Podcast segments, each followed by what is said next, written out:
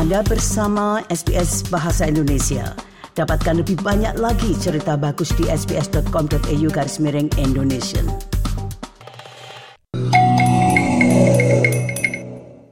SBS SBS SBS SBS SBS This is SBS Radio. Nah dari masalah cinta kita mengalih ke masalah neonasisme yang ada di Australia itu apa dan mengapa neonasisme ini muncul kembali maka marilah kita simak rangkuman Mas Dilail Abimanyu berikut ini. Para pendengar sekalian, Sydney menyaksikan insiden neonazi selama tiga hari berturut-turut selama akhir pekan Australia Day beberapa waktu lalu. Hal tersebut memicu kekhawatiran bahwa ideologi tersebut semakin populer di Australia. Jadi siapa orang-orang di balik insiden ini? Dan haruskah kita khawatir terhadap potensi kebangkitan neonazisme? Berikut ini adalah laporan selengkapnya yang disusun oleh Katriona Stirat untuk SBS News ada kekhawatiran mengenai kemungkinan meningkatnya neonazisme di Australia menyusul insiden yang terjadi selama tiga hari berturut-turut di utara Sydney. Insiden pertama terjadi pada tanggal 26 Januari atau pada Australia Day. Sekitar 60 pria yang sebagian besar mengenakan masker dan pakaian hitam dicegat di stasiun North Sydney oleh lebih dari 20 petugas polisi. Polisi mengatakan kelompok tersebut menyembunyikan wajah mereka dan membawa perisai serta bendera dan enam orang ditangkap serta 55 orang lainnya didenda karena perilaku ofensif. Polisi kemudian membubarkan pertemuan pada Sabtu malam di Turamura Utara dan mengeluarkan perpanjangan perintah keselamatan publik sebelum kembali dipaksa untuk melakukan intervensi pada demonstrasi lain di pantai utara Sydney pada minggu pagi. Pemimpin berusia 30 tahun yang mengangkat dirinya sendiri, Thomas Sowell, mengepalai kelompok sayap kanan yang dikenal sebagai jaringan sosialis nasional dan difilmkan sedang diperiksa oleh petugas dengan perintah hukum yang melarang dia menghadiri acara Australia Day di Sydney. Perdana Menteri Anthony Albanese mengutuk kelompok tersebut pada hari Sabtu, serta menyoroti peringatan ASIO atau Organisasi Intelijen Keamanan Australia tentang kebangkitan ekstremisme sayap kanan. And on Australia Day, where we commemorate uh, everything that is great about this country, uh, we have uh, a responsibility uh, to look to what unites us not what divides us. And I say to these people, quite frankly, have a good look at yourself. There is nothing to be got in this country through hatred. Sejak saat itu, Premier New South Wales Chris Minns berjanji untuk memperluas undang-undang di negara bagian tersebut untuk melarang ideologi rasis Nazi dan simbol kekuasaan kulit putih. Ia memuji tindakan cepat polisi dalam menghentikan kelompok tersebut dalam keadaan yang ia anggap sulit. Everyone in Sydney has a right to feel safe. That's where the government's priority and agenda has been, so that this uh, these idiots, as well as their leaders, who are obviously have this form of demented ideology, is uh, confronted with the full force of the law and zero tolerance is shown. Ada spekulasi bahwa kelompok tersebut melakukan perjalanan dari Victoria, di mana sejumlah insiden neonasi terjadi di negara bagian tersebut dalam beberapa bulan terakhir. Dr. Kasros adalah peneliti independen ekstremisme sayap kanan dan membantah anggapan tersebut.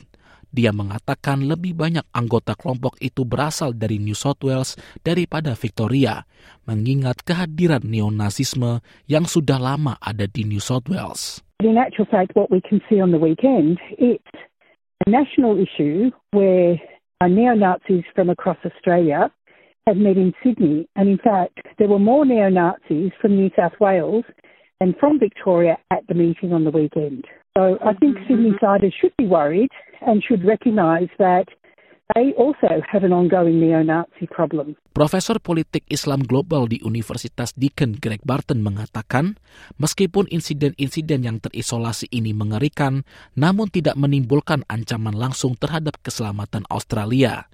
Ia mengatakan jaringan sosialis nasional sudah ada sejak lama dan belum berhasil berkembang secara dramatis. So as to why the National Socialist um, movement did this stunt, and it is a stunt. That's typically what they do. They they dress up provocatively and um, do uh, Hitler salutes or, or you know try and have a, a, swastika flag or something else that, that is just in your face provocative in a public place. Of course, Friday we had Australia Day. The next day we had Holocaust uh, Remembrance Day, which is 79 years after uh, the closing of Auschwitz. So that's you know really evocative. Um, it's a long weekend, of course, with Australia Day. Uh, so you know, from their point of view, this is the time when people are paying attention to people doing these sort of stunts. And another weekend, perhaps they wouldn't have got the same attention. Namun bukan berarti hal tersebut tidak menunjukkan masalah yang lebih besar pada gerakan politik sayap kanan secara global. Profesor Barton mengatakan pemerintah di seluruh dunia menyaksikan peningkatan popularitas ideologi supremasi kulit putih dan sayap kanan mengutip apa yang dia gambarkan sebagai nasionalisme fasis di bawah Presiden Turki Recep Tayyip Erdogan dan kekhawatiran atas sentimen anti-demokrasi Donald Trump di Amerika Serikat. The bad news is there are bigger issues uh, domestically and globally that we need to pay attention to. The reason I think we do need to be worried is if you look at um, a sort of epicenter of Nazism and now neo-Nazism. It's Germany. We saw large rallies protesting against the mainstream political party, Alternative for Deutschland, which uh, has grown so strongly that it, it, it um, will likely increasingly play a role in future governments. It's that's really disturbing. Dr. Ross setuju dengan anggapan tersebut. Dia mengatakan banyak orang tidak menyadari bahwa kelompok ini terkait dengan jaringan global ekstremis sayap kanan yang tidak begitu tertarik pada politik dan lebih menganut mentalitas kesukuan. They're interested in setting up a new society. So they don't follow the electoral politics quite so closely. But the model that they use is a model which is very successful in Europe called the active club model. And it's a model that comes out of California, actually, where men get together to, they call it train and tribe, which is train as in learn how to fight, get fit, and tribe as in forming a tribe, forming a group.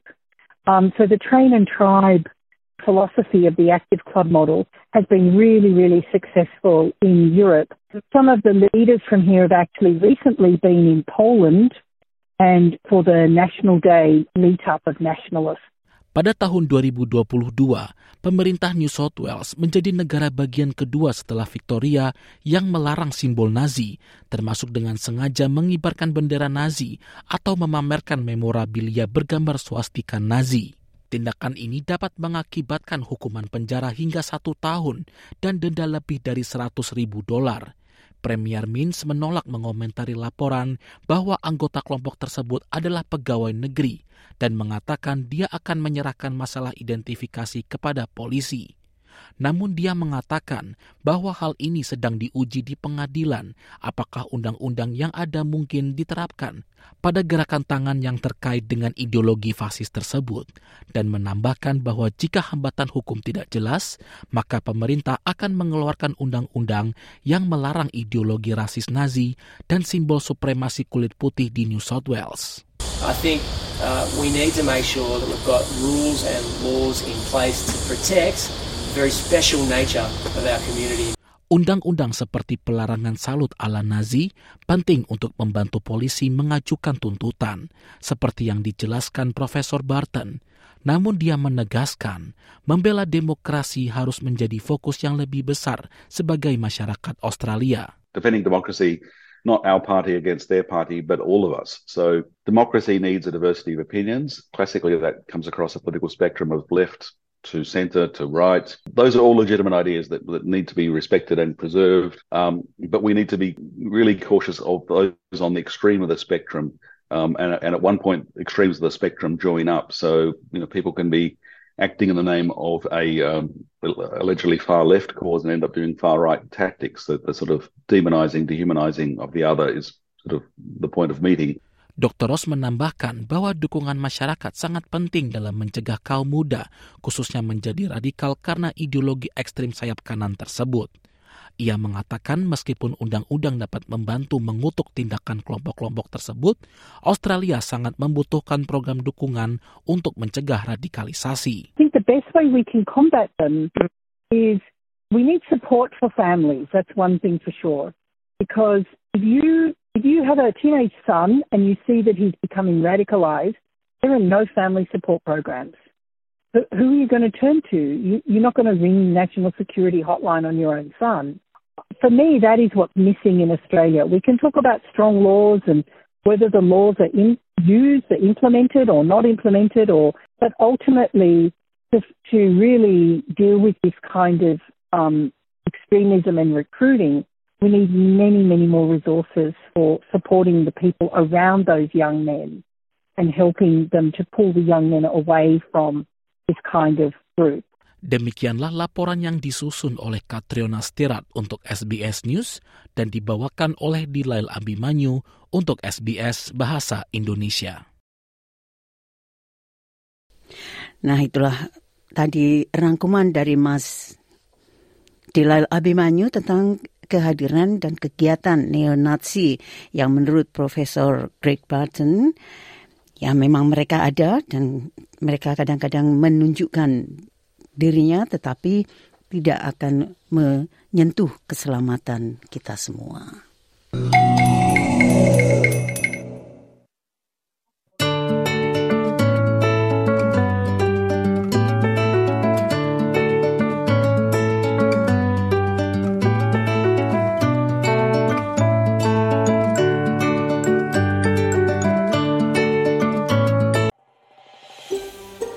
Anda ingin mendengar cerita-cerita seperti ini? Dengarkan di Apple Podcast, Google Podcast, Spotify, atau di mana pun Anda mendapatkan podcast Anda.